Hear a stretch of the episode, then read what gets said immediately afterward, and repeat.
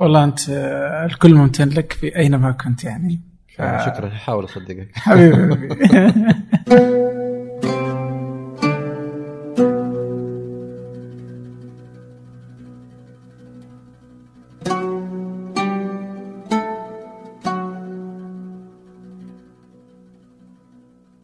أهلا.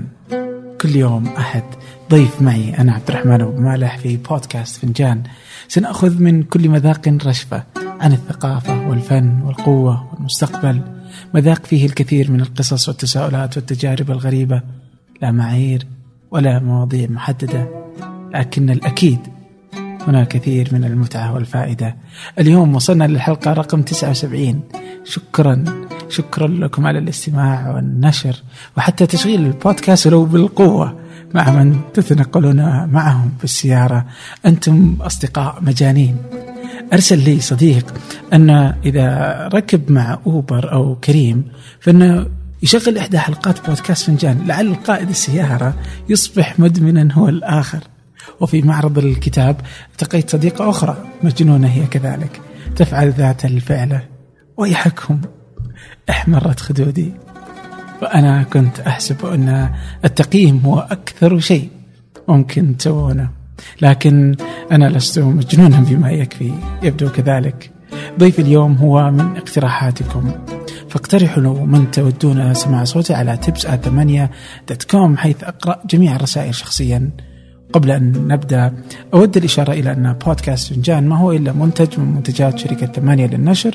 تستطيع أن تجد بقية الإنتاج على اليوتيوب في قناة فنجان قناة ثمانية حيث بدأنا بنشر سلسلة وثائقيات محلية. وكذلك عربية. مو بس كذا. سمعتوا بودكاست سعود العود؟ ثمانية وثلاثة أرباع. ابحثوا عنه أينما تستمعون للبودكاست. نأخذ مقتطف من حلقته الأخيرة. يستاهل.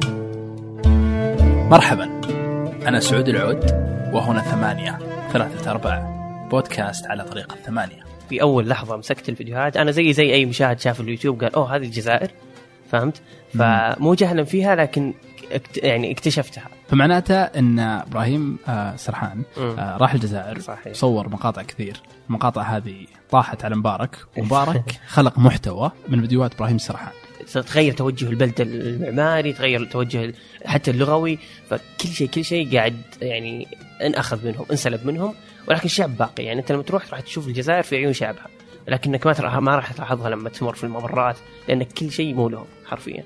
بس أن الثورة انتهت في 62 آم، وشعب آه، الجزائر مثقف. آه، زي ما شفنا بالفيديو الكتب تنباع في الشوارع.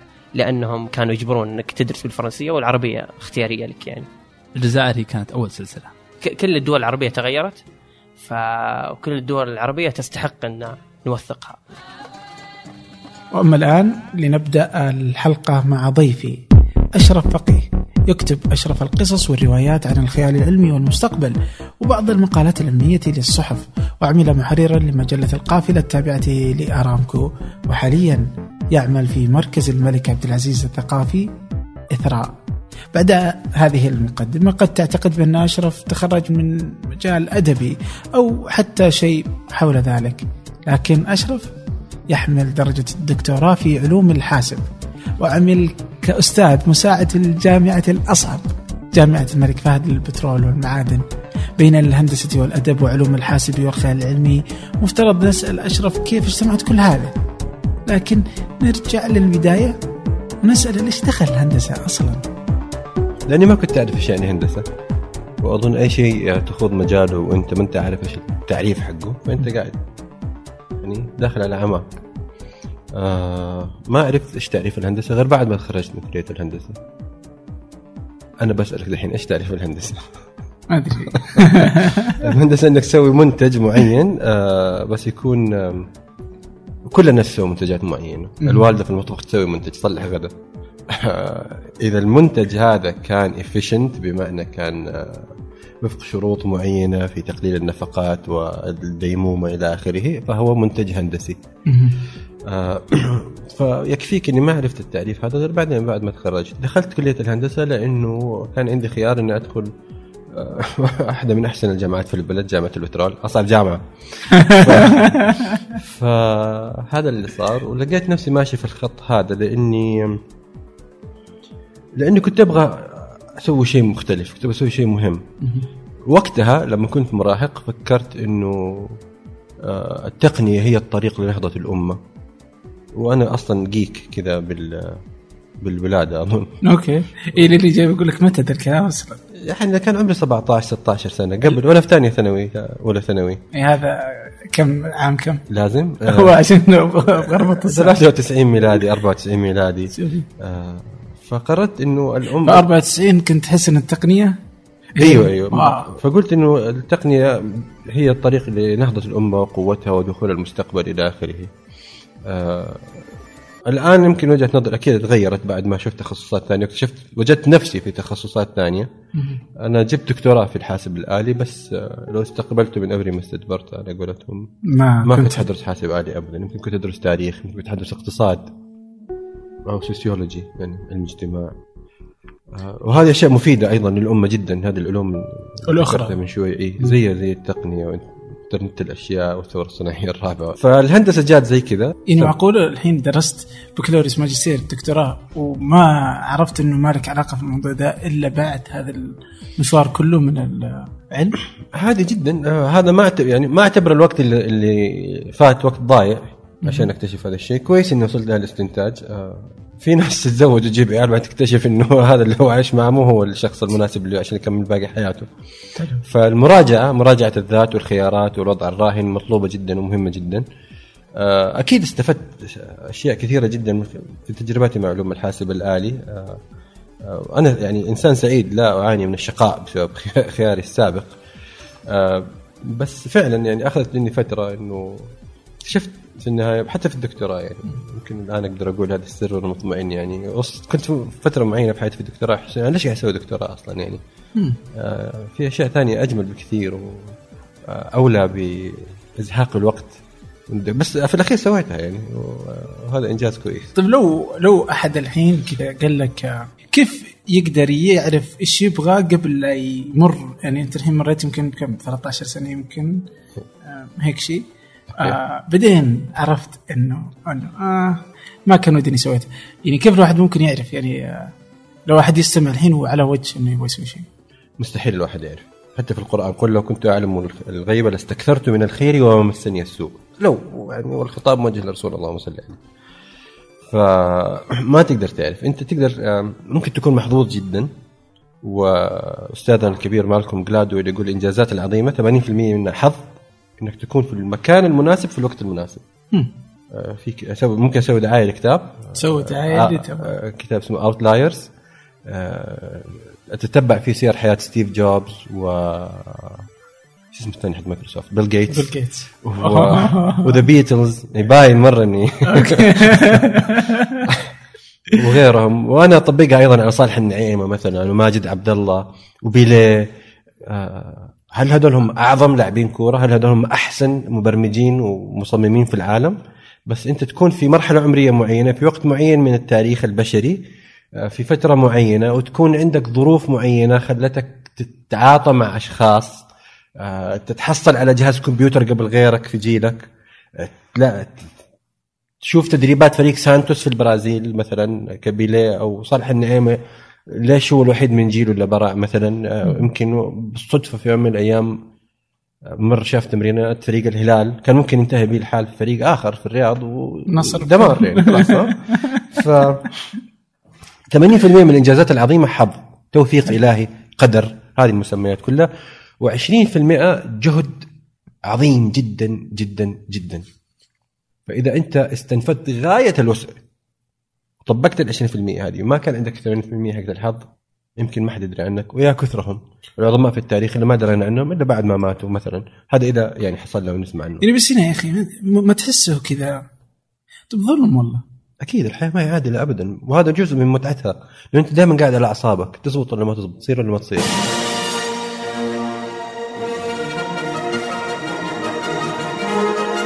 إذا رجعت العام 94 كانت أفلام وروايات الخيال العلمي الأكثر شعبية وانتشارا في بقية دول العالم مثل أمريكا وأوروبا.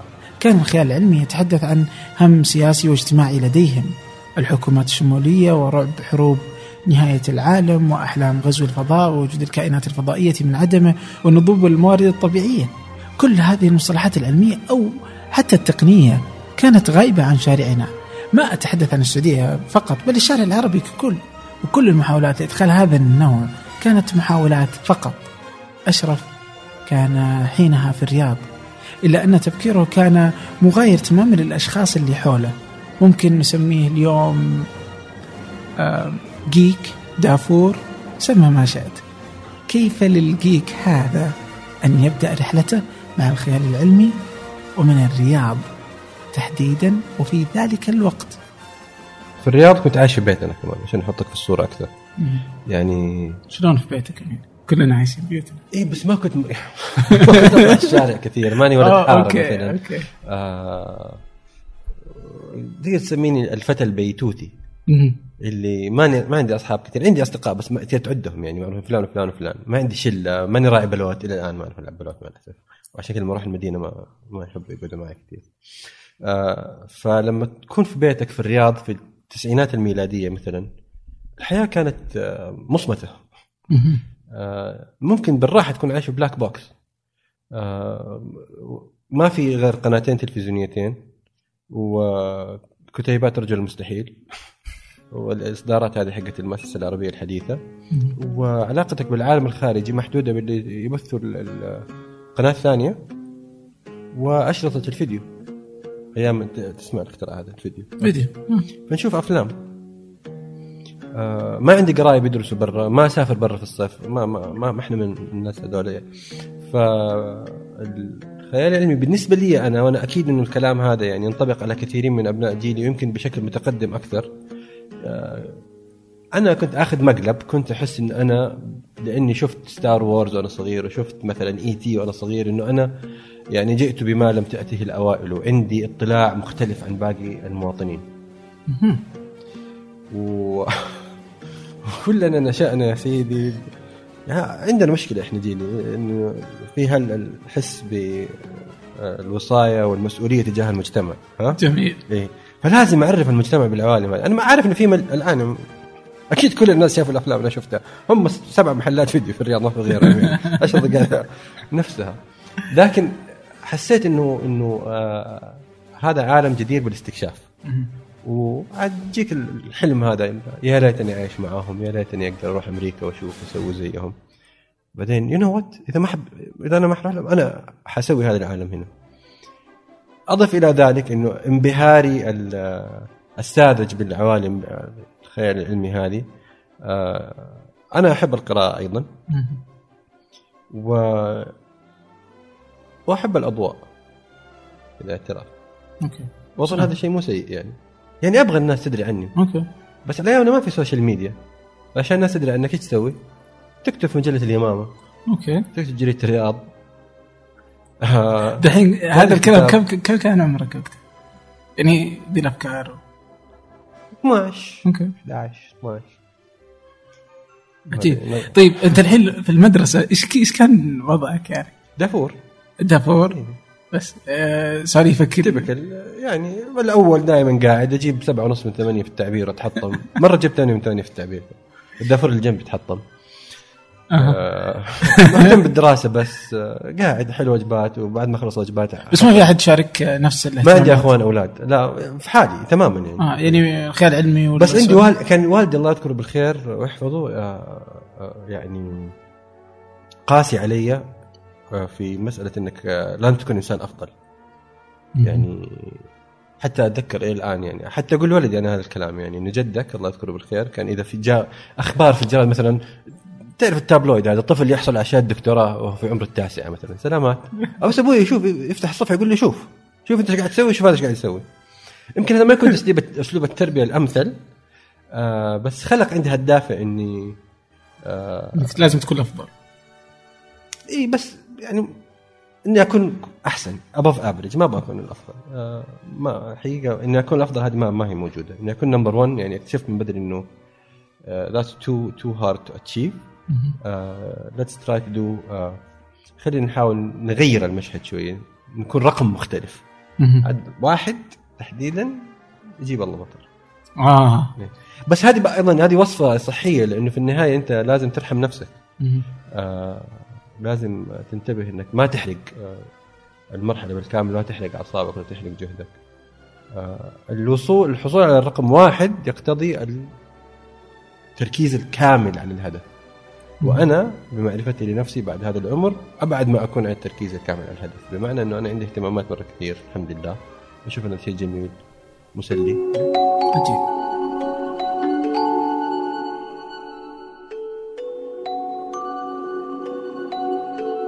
المستقبل. طبعا هذا الهم يعني يشغلني كثيرا يعني ولطالما تحدثنا عنه في فنجان كثيرا. يعني عندما ظهرت الآلة في بدايتها استبدلت ال- العامل.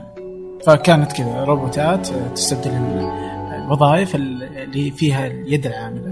وخلاص يعني قالوا البشرية تدرون خلاص بنخترع وظائف جديدة ومشت الحياة.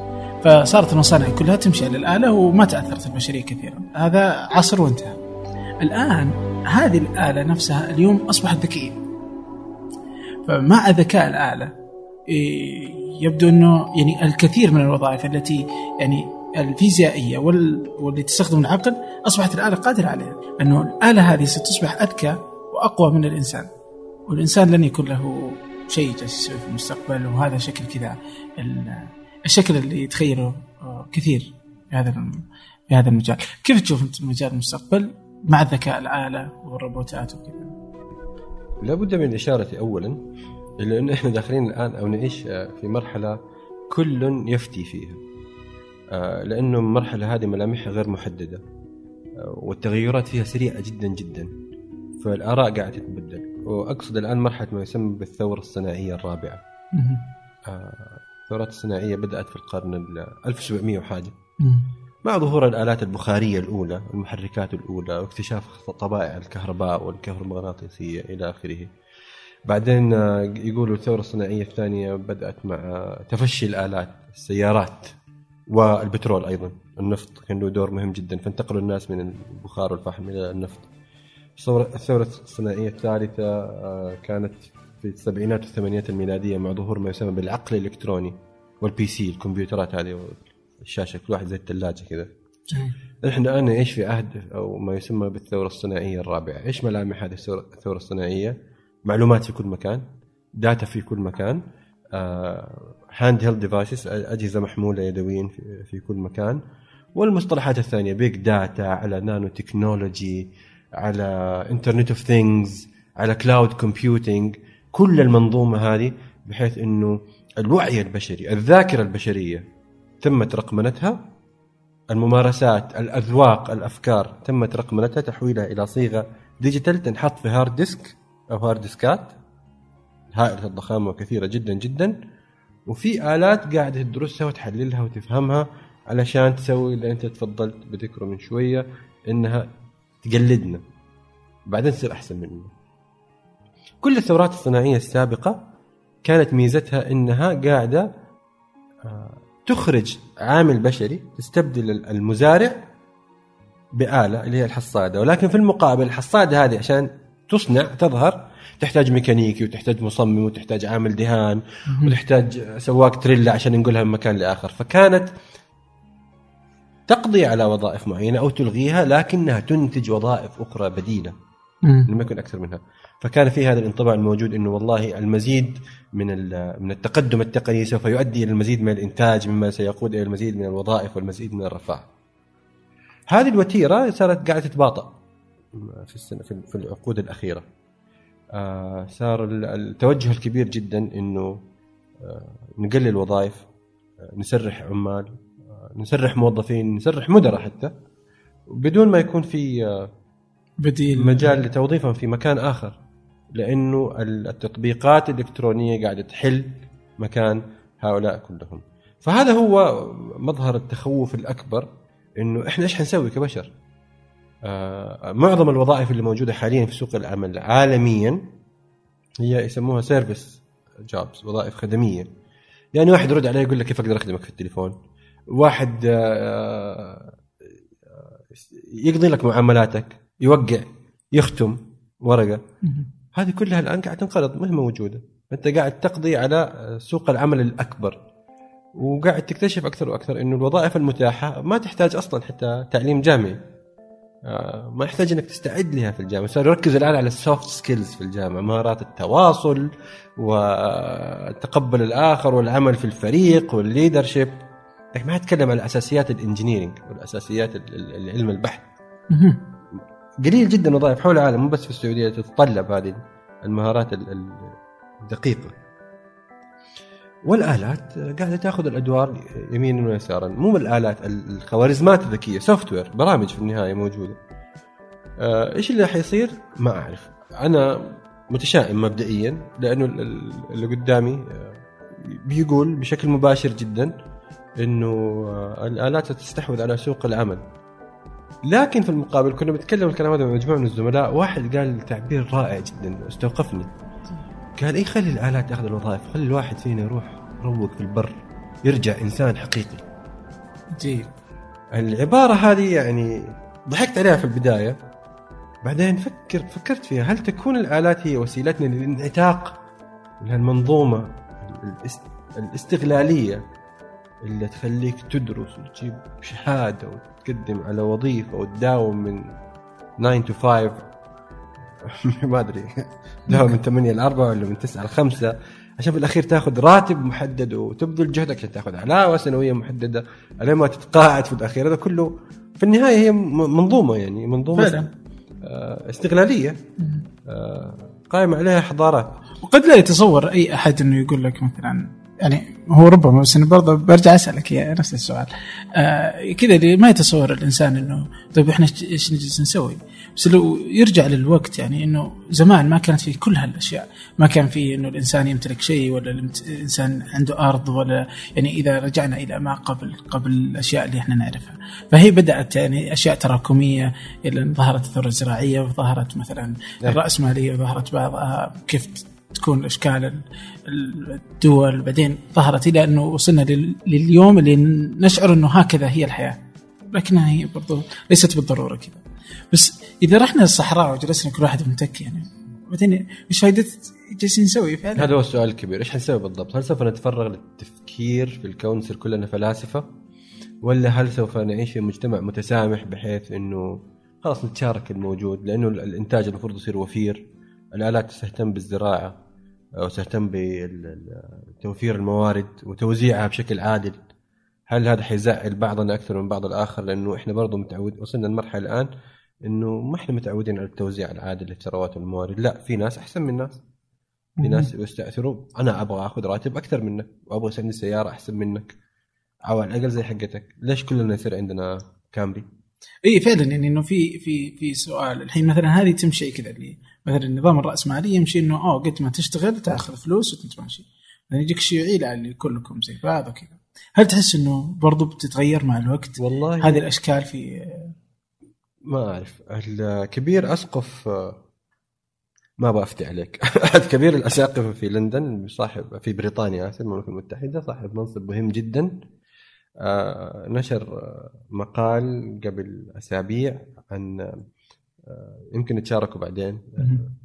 أو نحط link أو اي شيء. اي أي شيء نتكلم عنه بنحطه في إن وصف شاء الله عن ال ال ال ال الوصايا العشر للعهد ال- العهد الجديد عهد الروبوتات والآلات ويذكر فيها إنه الآلة يجب أن تكون هذا التفشي للذكاء الآلي يجب أن يكون وسيلة للسلام وللتوزيع العادل للموارد ولتحقيق ال- ال- المعاني والمفاهيم الكبيرة الإخاء والمساواة بين جميع البشر. ففي تخوف من شيئين إما إنه هذا ال- الذكاء الاصطناعي آه، بكل آه، تج- تجسداته في الآلات وفي ال- ال- البرامج اللي قاعد تراقبنا وتتابعنا وتقرر بالنيابة عننا. إما أن يتم استغلالها من قبل مجموعة صغيرة من البشر لتحقيق المزيد من الأرباح. وهذا هو الغالب وهذا اللي قاعد يصير حقيقة. أو انه هذه الآلات يصير لها نوع من الوعي وتتمرد علينا. واللطيف في الموضوع إنه المسألة ما هي مسألة آه، رواتب وأكل وشرب ووظائف في الأخير. هي المسألة الفلسفية.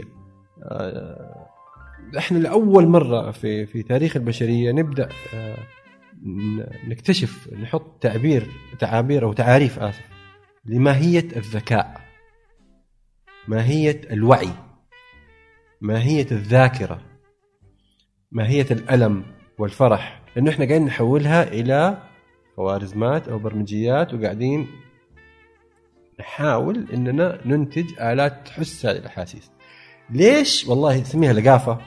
واللقافة عنصر أساسي من عناصر التطور البشري ترى. ليش وصلنا للقمر؟ لقافة ترى. نثبت نقدر نسويها. ليش اكتشف القارات المجهولة؟ أبغى أشوف إيش ابحرت في هذا الاتجاه إيش بيصير.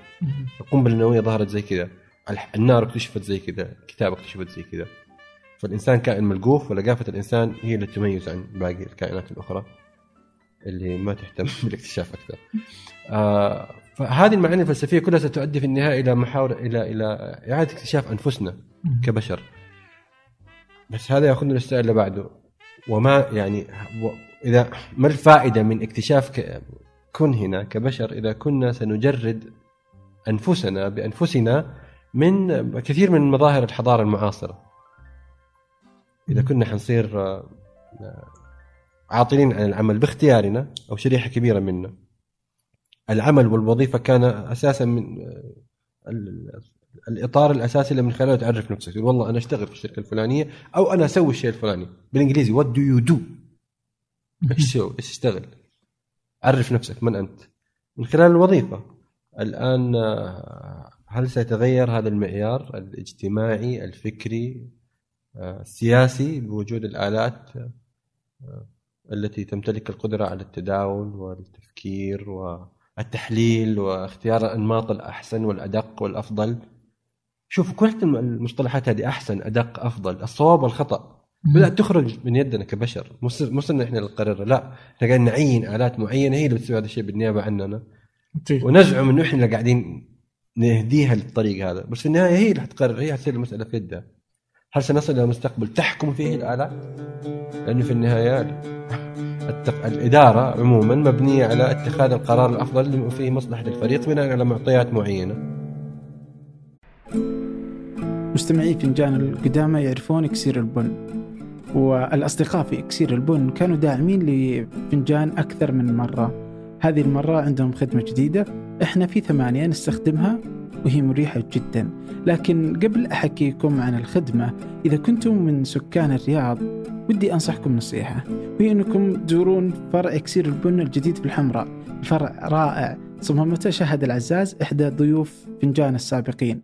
كنا في ثمانية في هذه الخدمة من أوائل الناس المشتركين فيها. هي اشتراك شهري عبر المتجر الإلكتروني تصلك نكهتين مختلفتين من البن كل شهر. شهر من السلفادور وكينيا شهر ثاني من إثيوبيا واليمن ولا تتعب نفسك وتحتار وتختار. اشترك مرة واحدة واستمتع بالقهوة تصلك أينما كنت في السعودية أو خارج السعودية. الاشتراك في الخدمة متوفر عن طريق موقعهم اكسيرالبون.com اكسيرالبون.com أو ابحث في جوجل اكسير البن راح يكونون في أول النتائج. وي آه سواء اشتركت في الخدمة أو لا إذا رحت الفرع اهمس في إذن الساقي فنجان. يمكن يعطونك قهوة ببلاش.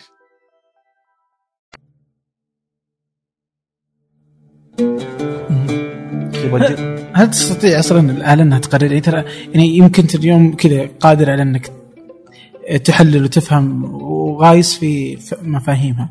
بس يعني يجي واحد يقول لك طيب افصل الفيش تنتهي السالفة. إي بس مو بكيفك. يعني تبغى تفصل الفيش وتنتهي السالفة معناته أنت حتعيش لوحدك. أوكي. آه، أنت الآن آه، عشان أجيك هنا أنا استخدمت جوالي وهذا شيء جديد ترى أنا يعني في 2000 و- أتذكر أنا أتذكر كويس في 2000 و 2008 2009 لما بديت أعتمد على Google Maps ولما كان في تويتر يحط نتائج كأس العالم وأشوف ال- ال- الهدف يتسجل قدامي على تويته من ال account حق آه، هاي 2010 مهم. واللي جنبي كان يقول لي تراك أزعجتنا باللي في يدك هذا إيش إلا تويتر وخرابيط إيش قاعد تسوي أنت؟ فالكلام هذا بس مر عليه ثمانية سنوات لكن ال- الآن يعتبر نكتة. طبعا كل المعتمدين على تويتر تماما بالرغم من انه تويتر عبارة عن شركة. زي كنتاكي. ممكن تفلس في أي لحظة. أنت شايف كيف؟ بس صارت هي منصة التعبير الأساسية. ونفس الشيء سناب شات. It's just an app ترى software بس بالنسبة لنا صار هو ال- ال medium الأساسي القناة الأساسية لتمرير المحتوى كله. اي لا بس الحين لو وصلنا إلى إنه اليوم آه، كذا خلاص يعني لو أسألك الآن هذا السؤال آه، متفائل أم متشائم بالمستقبل من ناحية الآلة وقدر سيطرتها على الانسان شوف إذا الآلة كانت آه، حتعلم نفسها إنها ما تصير أنانية زي البشر أنا متفائل جدا من يضع القوانين للآلة أصلا؟ هي اللي حتحطها في نفسها حتى نفسها؟ الآلة وصلت إلى مرحلة إنه هي تعيد كتابة الكود حقها. فهذا اللي خ... شوف الآن شا... وجهك باين عليه ملامح. آه إذا الآلة آه ما ت... تعلمت الغرائز البشرية حقت الح... الحسد والغيرة والتنافسية آه فمستقبلنا حيكون كويس. آه، لكن الآلة أيضا وصلت إلى مرحلة أنها ترفض أنك تقفل الزر تك- تك. الآلة الآلة عندها وعي ل- للكينونة الآن إحنا قاعدين نحاول نعرف مفهوم الوعي والروح. في ناس يقولوا الوعي هو عبارة عن جوجل search engine خلاص هذا هو الوعي. هنا كامل مخزون المعرفة البشرية. موجود بشكل مرقمن إحنا ما نحسه لكن موجود. في أشياء أخرى تحتاج إنها تتحول وتترجم إلى محتوى رقمي زي الألم. لما أقرصك في يدك النبضة الكهربائية في الأخير هذه بما إنها نبضة كهربائية يمكن أن تترجم إلى أصفار وأحاد وتحتفظ بها في مكان معين ويعاد تكرارها بعد كذا تبغى أنت تقرر كمبرمج انك مبرمج إنك تخلي الآلة تحسها عشان تعرف عشان يصير عندها اهتمام أكثر بسلامتك لما الآلة هذه تكون آه هي الطيار اللي حيطير فيك هي اللي حتقود الطائرة أو هي اللي حتسوي العملية آه، في دماغ أحد عشان تقضي على الورم وهذا الشيء قاعد تصير الآن. فأنت عشان ترفع مستوى إدراك الآلة آه، بالمبدأ ال- الخسارة والكسب. وهذا هو اللي في النهاية اللي قاعد يحكم كل مبادئ الذكاء الاصطناعي. السيارات اللي قاعد تمشي لوحدها هذه في الشوارع. تعرف إذا صقعت في أحد سويت حادث خسرت. Don't lose إذا تفاديت الحادث كسبت. إذا وصلت لل destination حقتك بدون حادث كسبت. فالبعض يرى إما من بدافع علمي أو بدافع لقافة بحت إنه إحنا نبغى الآلات تحس بالألم وتعرف معاني الفقد والحزن والفرح والشوق والحب. وهذه كلها أشياء قاعدة تتطور الآن في أماكن مختلفة من العالم. ليش؟ لقافة. لقافة. إيه إيه بس في النهاية حيصير في لها تطبيقات. طبعا مو بس لقافة طبعا يعني في الأساس لهذا كله هو الفلوس. جميع هذه الأشياء كل التقنيات هذه لا ما كانت لتسود ولا تظهر ولا تصبح هي الحديث الشغل الشاغل آه، للإعلام وللناس لولا إنها مدفوعة بمصالح سياسية أو اقتصادية. وهذا ينطبق على كل الابتكارات الكبرى اللي موجودة في حياتنا، في ابتكارات أخرى كثير ما سمعنا عنها ولا ظهرت لأنه ما ما في وراها مردود اقتصادي، البعض يزعم مثلا أن العلم قد توصل لعلاج لل- للأمراض المستعصية زي الإيدز مثلا والسرطان على سبيل المثال يعني. لنا أن نتخيل أن العلم قد توصل لعلاجات لهذه لكن الدافع الاقتصادي يخلي البعض يقول إنه لا والله المصلحة العامة إنه الناس تموت بالسرطان لكن ما يتعطلوا هذول الدكاترة وما يتعطلوا هذول الناس اللي شغالين في مختبرات إنتاج الأدوية والكوكتيل الس- ال- ال- السام حق ال- ال- ال- العلاجات والراديو ثيرابي والى آخره. يعني ليش أنت تقفل أبواب الرزق هذه كلها؟ علشان تنقذ بضعة آلاف هم كذا كذا حيموتوا في الأخير. وجهة النظر هذه موجودة ترى بقوة. فالدافع الاقتصادي والدافع دوافع أخرى موجودة. آه هي اللي تحدد إيه بنتعاطى مع إيش في الأخير مو أنا ولا أنت. مهم. الأخير إحنا طيب مستهلكين. آه، الحين في المستقبل تحس إنه أنت بتثق بالطبيب الآلة أكثر من طبيب الإنسان؟ أنت شخصيا. مو بكيفي. يمكن ما أثق فيه يمكن أرفض يمكن أرجع. زي الناس اللي ما تثق بالطبيب اللي متعلم في- كلية الطب جات الملك سعود وتروح الطبيب الشعبي. فالنقلة هذه موجودة دائما شايف كيف؟ بس في النهاية آه، حنوصل لمرحلة إنه أنت حتبلع كبسولة. هذه الكبسولة ما فيها كيماويات فيها نانو روبوتس فيها روبوتات مجهرية. صغيرة جدا. وهذا حتشتغل في جسمك. حتحرق الشحوم بسرعة حتكبر الشفايف حتطلع لك شعر اصطناعي حتتأكد إن أنزيمات الكبد والبنكرياس ماشية بشكل صحيح حتوسع الشرايين حقة القلب وترممها وتشيل الكوليسترول. حتسوي هذا كله. وهذا مو خيال علمي. أشياء حتظهر قريبا جدا جدا إن ما كانت موجودة فعلا. إيش ال implication حق هذا كله؟ إيش ال- ال- التبعات حقت هذا كله؟ آه خلاص يعني في دكاترة كثير حيستمر الطب كمهنة مثلا بس ما حي ما حيكون بنفس الازدهار هذا. والطب أصلا الآن قاعد يواجه تحديات كبيرة لأنه الطب آه، يمكن يزعلوا من الدكاترة قاعد يتفلسف في التخصص حقهم مبني على إنك آه، تاخذ you make conscious guess يعني إنك تعمل آه، تخمين مبني على أسس علمية. والله يبدو لي من خلال المعطيات وال ال- ال- والتحاليل ولا إنك آه، سلامة السامعين مصاب بكذا كذا كذا. على هذا الأساس بعدين يقول لك والله لازم عشان نتأكد أكثر نسوي عملية جراحيه. أو يقول لك والله كان يبدو إن أنت عندك العرض الفلاني لكن يب مين اللي قال لك الكلام هذا؟ الدكتور هذا ما كان فاهم، هم كلهم قاعدين متعلمين كويس وفاهمين كويس. وقاعدين يخمنوا بناء على معطيات علمية معينة. هذا التخمين بناء على المعطيات هو لعبة الذكاء الصناعي. وهو اللي مستحيل نتفوق فيه آه، نحن كبشر عليه فيه. لأنه الذكاء الصناعي عنده كمية هائلة من المعطيات التي تبدو لأول وهله ما لها أي فائده إيش آه، لون الشراريب اللي تحب تلبس ال data هذه كلها موجودة وما يميز هذا العصر الان التقني إنه في كمية data غير طبيعية معظم ال data المتبادلة على معظمها يعني أكثر من 50% بكثير. من ال data المتبادلة على شبكات الجوالات واس تي سي وغيرها هي ال data حقت الواتساب. التواصل هذا كله. إيش المعلومات هذه كلها إيش الفائده منها؟ في منها فائده نعم. يمكن سمعتوا عن تخصص اسمه big data. البيانات الزاخرة والبيانات الكثيرة. عندك بيانات عن كل شيء. أذواق الناس إيش يحبوا ياكلوا ويسووا وإيش يقضوا في أوقات فراغهم. وإيش الحروف المتكررة أكثر شيء في الكلام اللي أنا أقوله أشرف فقيه. شايف كيف يحلل لك ال pattern النمط حق الكلام حقك هذه الاشياء كلها موجودة. وكم مرة أنا أتردد ولا تهته في الجملة الواحدة. وقديش آه، مدة ال- ال- التردد حقي هذا. وكم مرة أتنفس في الدقيقة. كل التفاصيل هذه موجودة موجوده هذا غير ال- ال search اللي أنت تسويه على الإنترنت وال- والبيانات اللي تبحث عنها. فعندما يكون هناك آلة قادرة على تحليلها. آلات ملايين الآلات موجودة قاعدة تحللها وتجمع. اللي بيقولوه لما يجي يعرفوا ويقول لك عرف لي علم ال big data أنت عندك جميع الأس... الإجابات في الكون ووظيفتك أن تعثر لها على الأسئلة المناسبة. كيف أستفيد من هذا كله؟ بس أنا ذكرني دحين. أيوه التخمين. فأنت عندك كل ال records الطبية في العالم وكل الاحتمالات الممكنة لأي مرض وأي mutation أو تغير في بنية أي خلية والأجهزة حتحللها وكلها في جهاز واحد عقل واحد تقريبا. أيوه يعني وفي الأخير يا سيدي يعني كل أشبه- الأخطاء يعني فاهم؟ يعني وكل الأخطاء وكل الاحتمالات كل شيء. يقول لك. أنت سلامتك سلامة السامعين. المريض الفلاني مصاب أو سيصاب بناء على الخريطة الجينية حقته وتاريخ أهله كلهم بالعلة الفلانية بنسبة كذا كذا في المئة وهذا هو العلاج. هذا سيقضي على مهن الصيدلة. والطب لو آه، سمح له آه، بأن يتطور على آه، النحو المنشود. لو كان هذا شكل المستقبل القريب جدا ماذا تبقى للخيال العلمي اذا؟ أنا ما أقدر أكون متفائل ومتشائم. أنا بس مترقب ما أبغى أقول خايف لأنه إحنا مقبلين على مجهول كبير. والمجهول هذا مثير أيضا ومحمس. It's exciting بالانجليزي ممكن. آه ممكن يكون ممتاز ورائع جدا.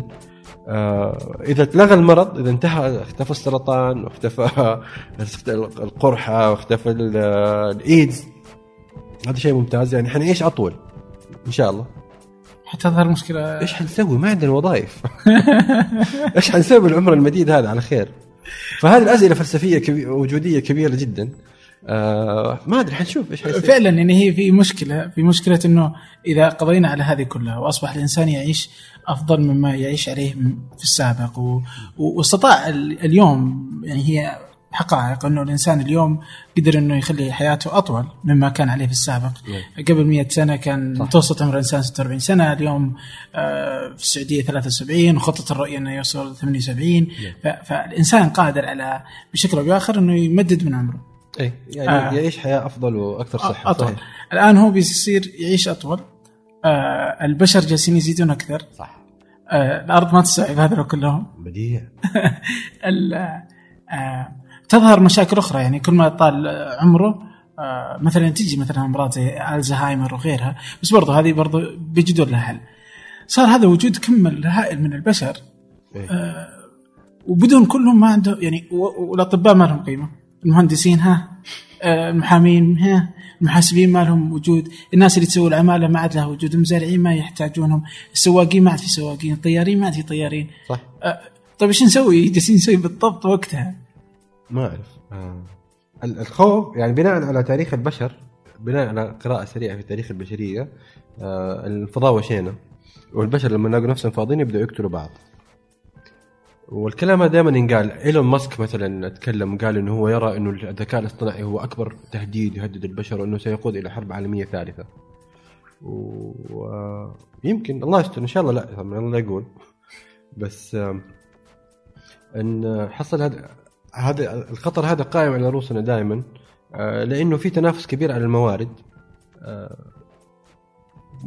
النفط المياه الأشجار المحاصيل آه، في سوء إدارة كبير في الكره الارضيه قاعد يصير. هذا مو كلام يعني هذا اللي يتناقشوه في منتديات دافوس وغيرها هذا الكلام اللي قاعد ينقال.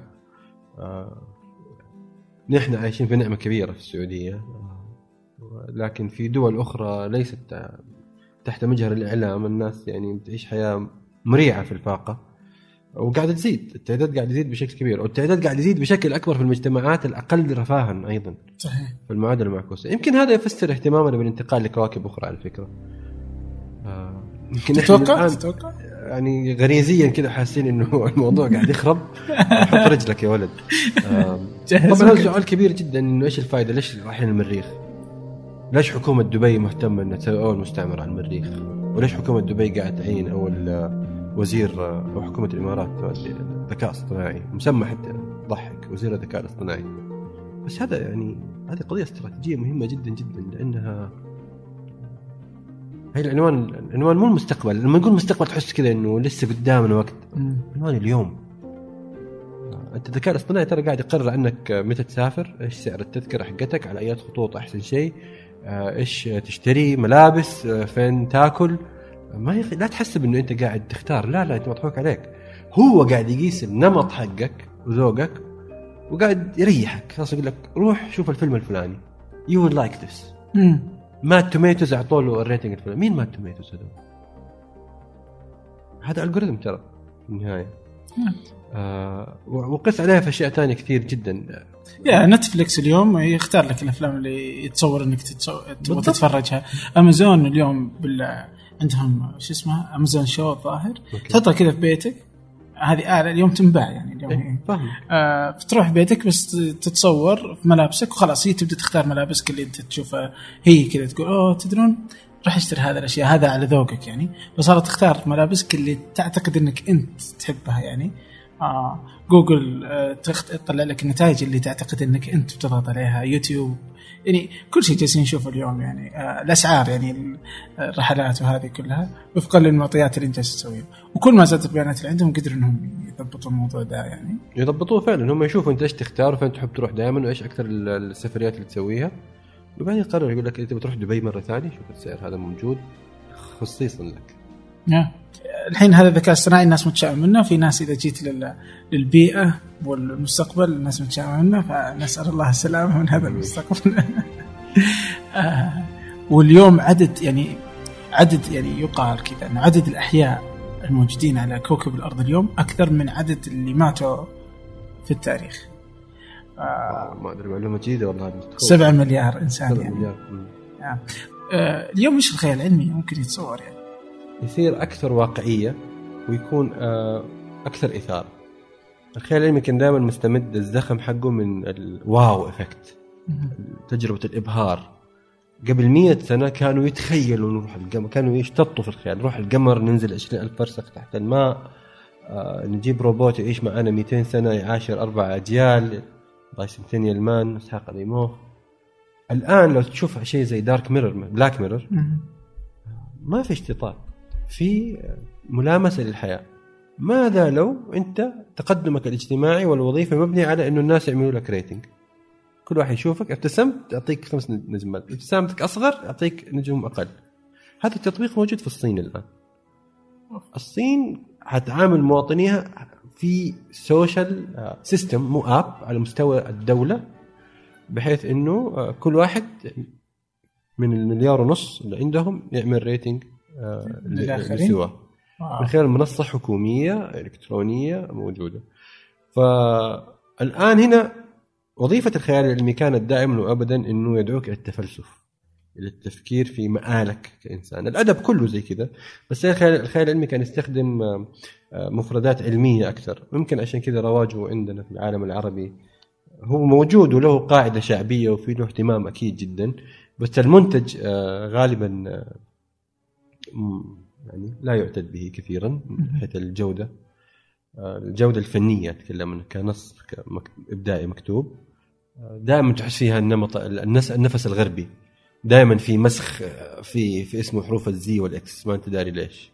دائما آه، في مصطلح آه، مفردات آه، متأمركة فيه. دائما اللي يكتبوا خيال علمي في العالم العربي يعتمدوا على نفس الأكشن اللي في الأفلام الهوليوودية. تقدر تكتب خيال علمي بروح محليه كيف بغيت. طيب كيف تشوف أنت السوق أصلا في الخيال العلمي العربي كله؟ أو ضعيف طبعا لا ضعيف جدا. مبني على المترجم في البداية. طبعا الأسماء القديمة في الثمانينات والتسعينات نبيل فاروق ورؤوف وصفي وسواهم.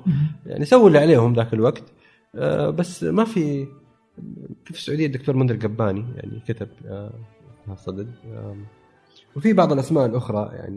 في أسماء عربية بس كذا تعرف زي الفقع تطلع فجأة كذا متفرقة هنا وهناك ما في لما توصل رواية خيال علمي عربية للقائمة الطويلة للجائزة البوكر ذيك الساعة نقدر نقول إنه صار صار أدب منافس وصار أدب آه، ملامس للهم الشعبي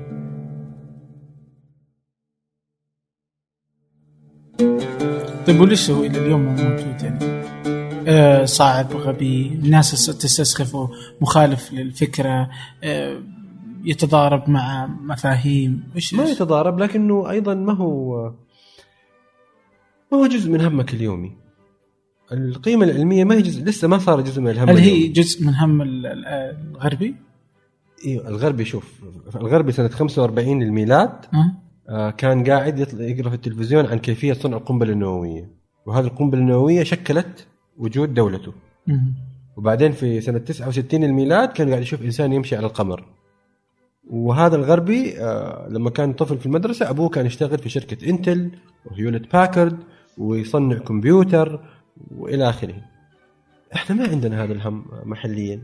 ما لنا متماسك إحنا يعني ما أبغى أدخل كمان في دوامة جلد الذات هذه إنه إحنا مستهلكين وإلى آخره. بس في الأخير أنت منتهى علاقتك باللابتوب أو الجهاز هذا إنك use it you're user.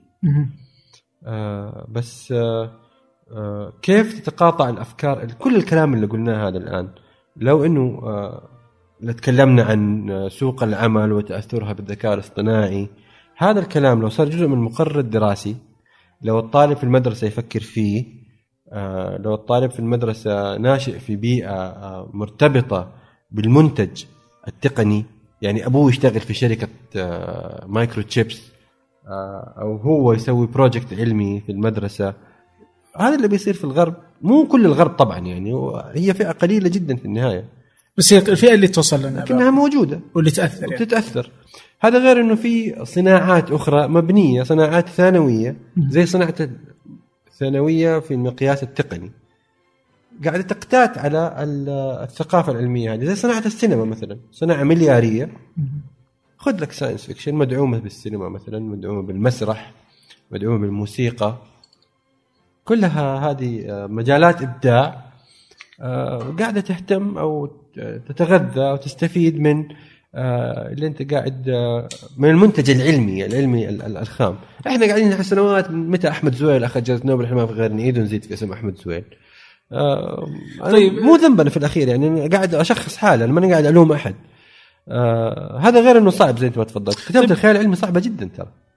إيش إيش المتطلبات كاتب الخيال العلمي؟ يعني إيش أول شيء لازم تكون كاتب كويس. وهذا الشيء صعب. ومو موجود ترى بكثرة في العالم العربي. يعني أنت تشوف إذا اعتبرنا إن جائزة البوكر آه، هي المعيار الأهم والأبرز للمنتج الإبداعي الروائي. العربي الروائي. حتى هذا حتشوف فيها دائما تثور معارك. ليش الرواية هذه وصلت وما تستاهل وعادية إلى آخره. فالصنعة الإبداعية صنعة صعبة جدا ومثيرة للجدل اولا. وثانيا أنت تبغى تعتمد على قاعدة علمية وتبي تمسك فكرة علمية. ما في الأخير ما أنت قاعد تكتب ورقة بحثية أنت ومعادلات وزحمة ومصطلحات معقدة. أنت صحيح. تبغى تربط ورقة فكرة علمية بهم إنساني اجتماعي. أنا كنت قاعد أقرأ رواية مشهورة قبل فترة بالإنجليزي اسمها دا دارك ماتر. الرواية تقوم على أساس إنه آه، قد سمعت عن العوالم الموازية؟ مس... آه، يعني. يقول لك تخيل الكرة الأرضية هذه في في- في لها نسخة مشابه شبه مطابقة لها آه، لكن مع اختلاف بسيط. معلش خلينا نستطرد شوية.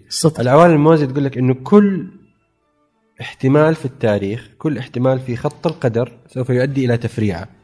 يعني أنا أنا اليوم قدرت أجي هنا واشوف وأسوي المقابلة هذه معك. في احتمال إني ما أسوي المقابلة هذه معك. والاحتمال هذا له تبعات. okay في كرة أرضية ثانية حصل فيها هذا الاحتمال الآخر بتبعاته. okay. والدك شاف والدتك تزوجها بس كان في احتمال إنه يشوف أختها. okay. هذا الاحتمال تحقق في كو كو عالم موازي آخر وله تفريعاته. وفي عبد الرحمن أبو مالح آخر بناء على هذه العلاقة الأخرى. وهكذا. والمثير جدا إنه آه، في أثر منسوب لابن عباس في تفسير الآية الله الذي خلق سبع سماوات ومن الأرض مثلهن. آه، يعني حسب ما قريت يقال ابن عباس أول شيء قال ما أقدر ما أقدر أقول قال- إيش تفسير الآية هذه. بعدين قال لا أنا راح أقول لكم التفسير يعني تفسيره إنه الله الذي خلق سبع سماوات ومن الأرض مثلهن سبع أراضين في كل أرض آه، آدم كآدم ونوح كنوح إبراهيم كإبراهيم ومحمد كمحمد. سواء هذا الأثر كان صح ولا غلط يعني فلنفترض إنه مكذوب يا سيدي. إنه يورد هذا التفسير في مرجع لا يحضرني اسمه الآن قبل مئات السنين طريقة التفكير هذه على فرض إنها حتى إنه كان قاعد يصرف ويفتي اللي, okay. اللي, حط التفسير هذا. مدهشة. ومتوائمه مع فكرة ال- العوالم ال- فالرواية اللي أنا قريتها Dark Matter قاعد يتكلم عن رجل وزوجته وابنه عايشين حياتهم. ما هي كلها بيرفكت ولا هي كلها على ما يشتهون. آه، حصلت تضحيات معينة خلال الحياة الأسرية المكرورة. آه، ولكن هذا الرجال يتم اختطافه من قبل نسخته الأخرى في عالم آخر ويحطوا بعض يتبادلوا المواقع لأنه هذاك كان هذا الرجال اللي تم اختطافه أصلا عالم فيزياء بس ما كان ناجح. لكن نكتشف ال- اللي اختطف هو عالم في هو نسخته الأخرى الناجحه جدا في عالم الفيزياء والفائزة بكل الجوائز العالمية لكنه ما كان سعيد جدا في حياته الأسرية. فيعمل سواب بينهم وذاك يكتشف إنه الآن صار عالم مشهور لكنه ما هو سعيد وإنه الحياة اللي هو تركها كانت قمة السعادة. شايف كيف تاخذ فكرة علمية؟ طبعا في في تفصيلات كثيرة جدا. آه، أنا أبغى أوصل لرواية عربية زي كذا. تاخذ مبدأ علمي معين وكلمة مبدأ علمي حتى لما أقولها تحس ان أنا قاعد مصطفى محمود قاعد أتكلم في العلم والإيمان صح ولا لا؟ تحس إنه إيش هذا؟ كثير ناس يسمع البودكاست أول ما يسمع فكرة يسمع عبارة مبدأ علمي وأطروحة ونظرية يغير على طول. أوكي؟ بس هذا جزء من أزمتنا مع ال- المحتوى المبني على الفكرة العلميه جميل. طيب آه آه أنت نشرت آه عدة روايات آه في الخيال العلمي. قصص قصيرة. يوم رجعت لها. أنت كتبت إنك رجعت لواحده منها بس إنك ما إيش إيش وجدتها؟ إذا رجعت لها انك تبغى تنتقدها إلا رجعت لها إني بعضها ألفت وأنا في ثانية ثانوي. أوكي. وبعدين نشرته وأنا في سنة أولى جامعة. ويعني كويس إني نشرته ذاك الوقت ما انتظرت عليه لأنه كنت صغير يعني. أصغر. okay. آه فتكتشف إنه أنت يعني كان وهذا الشيء ينطبق على أي عمل تسوي له ترجع له لاحقا. آه طبعا بعضها مكتوب بلغة ساذجه جدا كنت صغير وبعضها لما أشوفه أقول والله إني كنت رهيب. إيش هي اللي رحت لها ولقيت قلت آه والله كنت أنا رهيب. لا أقروها أنتم كلها شوفوها يعني. موجودة. عن طريق Goodreads تقدروا توصلوا لها خلينا نسوي نفس شوية دعاية. اي لا Goodreads أنت آه، ماخذ لك آه، لك جولة وصولة في Goodreads والله أنا اكتشفت إنه أنا الناس تعرفني عن طريق Goodreads أكثر من أشياء ثانية كثير سويتها وهذه كانت مفاجأة لطيفة جدا. أنا ما كنت يعني ماخ- ماخذ Goodreads بالجدية هذه بس اكتشفت إنه يعني بس ناس يمكنك آه، أكثر آه، صراحة هناك احتمال. يعني أنا كنت أخذ Goodreads كذا يعني من باب تزجيه الوقت أكتب reviews للكتب إلى آخره. بس اكتشفت انه في ناس ممتنين لي كثير وأنا سعيد إنه أنا كنت مفيد على Goodreads والله أنت آه، الكل ممتن لك في أينما كنت يعني. ف- شكرا. حاول أصدقك. حبيبي. هذا المستقبل القادم لا محالة وأمر لا فرار منه. وكم لبثنا نتحدث عنه في فنجان وثمانية. حذرتكم منها تفاءلنا بها وقلنا بأنها من البديهيات والمسلمات لحلقات. لكن الوضع لا يزال كما هو. ما زلتم آمنين في وظائفكم لا يعكر صفو حياتكم شيء. دعني أسألك هل بدأت تتعلم البرمجة كما فعل مايكل بلومبرغ عمدة مدينة نيويورك؟ ابنك بدأ يتعلمها في المدرسة كما في فنلندا وإستونيا؟ لا علينا طبعا هذا التحدي ليس قائم في السعودية فقط كل وزارة تعليم في كل مكان في العالم يعني قاعد تواجه هذا التحدي المريع ولا توجد وزارة تعليم واحدة في العالم آه، يعني هي تحت عين الرضا كل وزارات التعليم في العالم يتعرض انتقادات شديدة لأنه هذا الهم هم حقيقي ومخيف.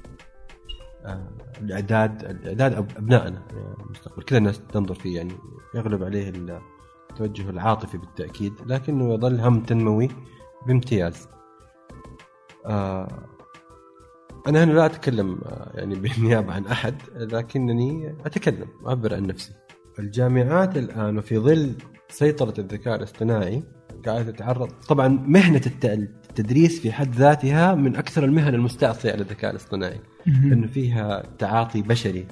فأنت كملقن ومعلم بمثالبك وأخطائك وبمهاراتك وجودة أدائك كلها هذه آه، أساسية في التجربة التلقينية التجربة التعليمية.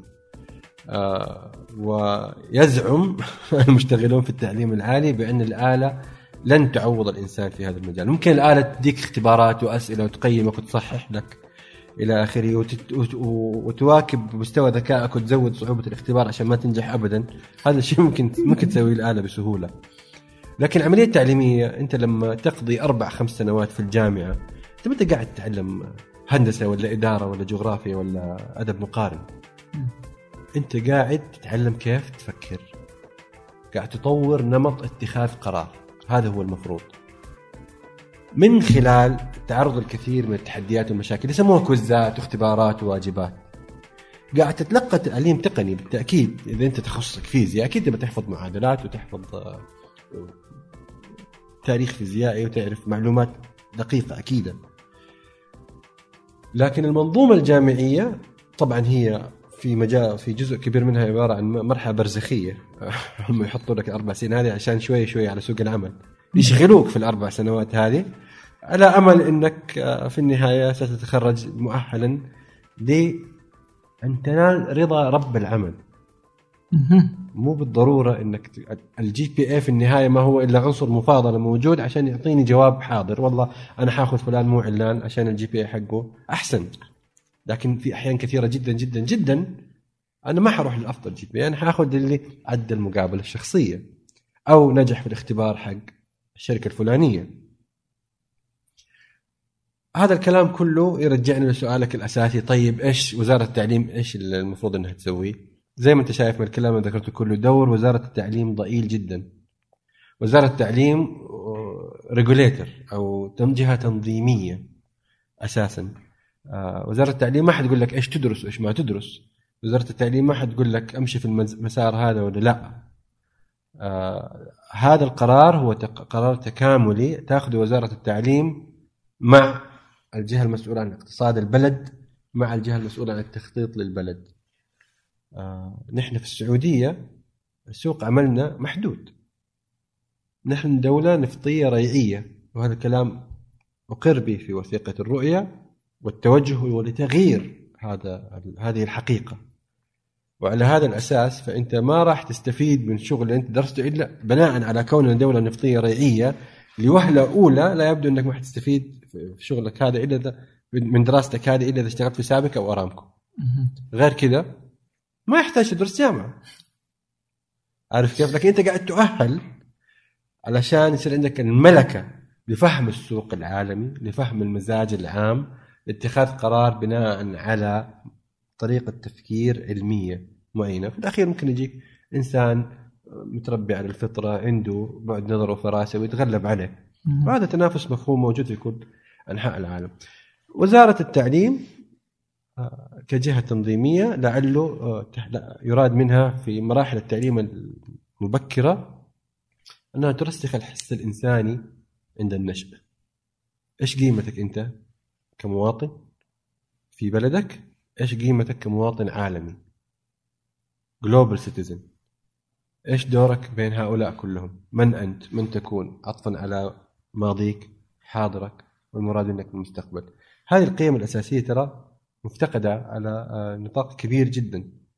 وتفسر الكثير من السلوكيات اللي وزارة العم التعليم قبل غيرها تحاول أن آه، آه، تخلص النشء منها قلة المسؤولية قلة الانتماء عدم الاهتمام بالهم العام الإهمال السواقة السيئة عدم النظافة. هذه السلوكيات الحضارية اللي لما نسافر ورا نقول "أوه، شوف رهيبين. ترى هذه هذه جزء من العملية التعليمية وليس فقط ال... أنت لما تدرس تاريخ وتدرس رياضيات وتدرس تفسير المحصله الأساسية من هذا كله المفروض تأثيره فيك ك- كإنسان إنه يجعل منك إنسانا أفضل. وهذه هي الرسالة الأساسية اللي بعدين تطبقها كل مراحل التعليم التالي ان تكون انسانا أفضل. هذا نتكلم الآن بشكل طوباوي آه، يعني يصبغ العالم بمنظور بفرشاة وردية. جميل. آه، نحن ندرس عشان نحصل على وظيفة. والكومبetition هذا موجود والمسألة هذه لن لن تنتهي. آه، الآلات ستجعل الأمر تفشي الذكاء الآلات الذكية ستجعل الأمر أكثر آه، صعوبة. الآن تلاقي كثير من ال- الأصوات المتطرفة تنادي مثلا بطرد الأجانب من البلد الفلانية. بكرة حتجي أصوات تقول لك ال- السعودية للبشر مو بس السعودية للسعوديين. آه. لأنه الآلات صارت تنافسنا في ثلاث أربع لو مشينا في الخط هذا مع العالم المتقدم ومكنا أكثر للذكاء الاصطناعي لعله يعني في النهاية هل هو خيار أصلا؟ أحس إنه من الصعب دام إنك أنت دخلت في المنظومة يعني. صح أنا الآن قاعد أستحضر تاريخا مع الإنترنت مثلا. مم. السعودية كانت من أواخر الدول العربية اللي سمحت بتقنين الإنترنت بشكل رسمي. وكنا ذاك الوقت نتكلم أنا يعني سنة 97 96 كانوا كتاب الرأي أنا وقتها كنت لسه طالب في الجامعة يتكلموا عن الإنترنت زي ما الناس الآن تتكلم كانت تتكلم قبل وقت قريب عن قيادة المرأة وتكلموا عن إسقاط الولاية. اوه لازم يكون عندنا انترنت ما يصير إلى متى؟ فكان في بعد نظر عند صانع القرار بخصوص الإنترنت. الضغط العام كل أنحاء العالم وحتى لا تكون أنت آه، قصيا عن آه، باقي السرب وحتى لا تتضرر طبعا آه، وصلنا إلى قناعة إنه يجب أن نتبنى هذه الإنترنت. نحن كذا ندخل في المنظومة. لا مفر. فأنا الآن ما أعرف إيش الجواب على سؤال سؤالك. هل سنصل إلى مرحلة اللا مفر أيضا مع الذكاء الاصطناعي ولا لا؟ يبدو إنه سوف نضطر إلى أن لن يكون لدينا خيار. يبدو لي والله العالم. بس ما أعرف في النهاية القرار هذا طبعا قرار مبني على اعتبارات سياسية عسكرية اقتصادية. شفت ما قلت اجتماعية. في النهاية هناك حفنة من صناع القرار لهم مصالح استثمارية كبيرة جدا من قلت عسكرية لأنه تطبيقات التطبيقات المهمة هذه زي الإنترنت آه، زي ال- ال- الاتصال اللاسلكي وزي الذكاء الاصطناعي هي مدفوعة بحثيا للتطبيقات العسكرية في المقام الأول. طيب الحين على العسكريه تحس مثلا في المستقبل مع قوة الذكاء الاصطناعي ممكن تتغير موازين القوى في العالم؟ وتصبح الدولة صغيرة كذا بس إنها قوية في الذكاء الاصطناعي تسيطر على يعني تضع لها آه، قبضة من حديد في العالم ولا لا؟ القوى هي ذاتها. أنا بحاول آه، أستفز ذاكرتك بالخيال العلمي. أنا على طول قاعد لا. في دول آه، يتوقع لها أن تزدهر في المستقبل المنظور بسبب آه، لأسباب كثيرة جدا ليس لها علاقة بالذكاء الاصطناعي. ال- الجغرافيا السياسية موقعها من الموارد آه، موقعها من ال- الم- الم- الممرات المائية اللي حتتفتح مع آه، ذوبان الثلوج في القطب الشمالي مثلا. لكن التمكن من مفاتيح الذكاء الاصطناعي يمكن يعطيك قوة اقتصادية بس نفوذ سياسي مو الأولى تعكس على الثانية؟ ما مو تخصصي والله ما بدي افتي افتيت كثير اليوم. آه لا عادي. هو ال- الهرجة كلها إنه نفتي شوية يعني. ممكن. آه. طيب جميل جدا. بس في شيء وأنا أقرأ عنك. القاء okay طبعا إحنا في حرف القاء الخفيف هذا القاء. إيه. جوجل آه، فاهم؟ هذا مشكلة إنه إحنا في العرب كلهم ما اتفقوا عليه. إيه. okay. آه، أنا اللي اعرف أن يتفقوا على شيء. لكن فبعضهم يكتبون جيم بعضهم يكتبون قاف. انت تكتبه مو وكذا. قاف، إيش هو قاف؟ هو الحرف هذا اسمه قاف. موجود هذا الحرف في الأبجديات الفارسية وفي الأردو. إيه. موجود. اللي هو الكاء المايل اللي عليه. الكاف اللي عليها خط كبير من فوق فتحة. الحرف أرسل أي واحد إيراني ولا آه، باكستاني في الشارع. قول له إيش الحرف هذا؟ يقول لك قاف. هم يكتبوا جوجل زي كذا. هو موجود. okay. خلاص انتهى الموضوع. الحرف موجود بالطريقة هذه. ليش إحنا نقول قوقل؟ أنا مست يعني أبغى أشوف الأخ اللي قرر إنه يعفس حرف القاف ويستخدم الطريقة هذه. يعني مو قاف يا قاف. في سورة في القرآن اسمها قاف.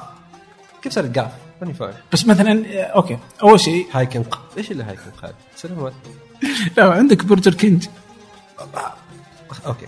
now you got my point okay. إي بس إيش؟ بس هو يجي يقول لك مثلا إنه الجيم مثلا عند المصريين قاء القاء قاء كيف هو يقول لك؟ برجر كينج يا باشا. صح؟ صح. وفي اليمن مثلا القاف هي قاء صح. ف- فالمسألة فيها برضو يعني أيوه في فليش اللهجات العربيه هذه موجودة إيه كلها فليش تحس إني أرو يعني لو لو لك إنك تحلها وش بتحلها؟ بالكاف؟ لا أنا بقول إنه نحن ال ال ال إحنا راح نعتمد لهجة قريش في كلامنا okay وفي لهجة قريش الجيم جيم والقاف قاف والقاف قاف والغين حتى اللبنانيين يستخدموا الغين. مقام هذا وفي في المغرب العربي الفاء اللي عليها ثلاثة حروف باء صح؟ عندنا فاء عندهم قاف أوف. وفي مجمع اللغة العربية الافتراضي موجود مجموعة من الإخوان هنا في السعودية اخترعوا حرف آخر سموه القيف اظنها قاف تحتها نقطتين ولا ثلاثة نقط ما أدري. فالمسألة مسألة يعني ازمه عالمية حقيقية. و... واللي أنا قاعد أقوله إنه الأبجدية الفارسية طيب ليش أروح للفارسية وأنا عندي عربية؟ أنت مشكلتك ان اسم- اسمها فارسية؟ لا لا يعني ما, فارسي ولا أردي ولا ما الحروف العربية خلاص ثابتة معروفة بعددها. بس في آخرين طوعوا الح... الأبجد... سووا حلوا لك الأزمة. طوعوا الحروف هذه من مئات السنين عشان تتوائم مع لغتهم هم أوكي. اللي بيستخدموا مشكورين اللغة العربية الحروف الأبجدية العربية لكتابتها ويعني مستخدم من زمان حرف الباء هذا موجود من زمان. صح الطاء وال... ال- يعني في في, ال- في الأبجدية الأردية في حروف كثير شكلها غريب جدا هم يستخدموها بينهم وبين بعض وعشان تحل الأزمة حقتهم. جيب من عندهم. جيب. خلاص. طيب جميل. فانت الحين تف- فتكتب بهذا الشكل. أنا بس بس هذا كذا لفت لي- لفت لي. موجودة وبعدين آه، بعدين ممكن تعتبر ان المسألة صارت كذا نوع من النكادة. خلاص قررت اي. أيوة، صح. طيب جميل. أتخيل كذا الشكل لو إنه جوجل كذا مكتوب. ترى في العراق يكتبونها كاء بالكاء لأنهم متأثرين بالثقافة الفارسية كثير. أها. فأخذها منه. عجيب. طيب شكرا جزيلا بزيلا. الله يعطيك العافية. آه، أخذت من وقتك الكثير و آه، يا هو استانسنا بك والله. الله يخليك شكرا لك ودعواتي للهلال بالتوفيق. أمس كنت خايف والله. كنت أقول لو أنهزم الهلال يمكن ما يجي اليوم. لا لا مو.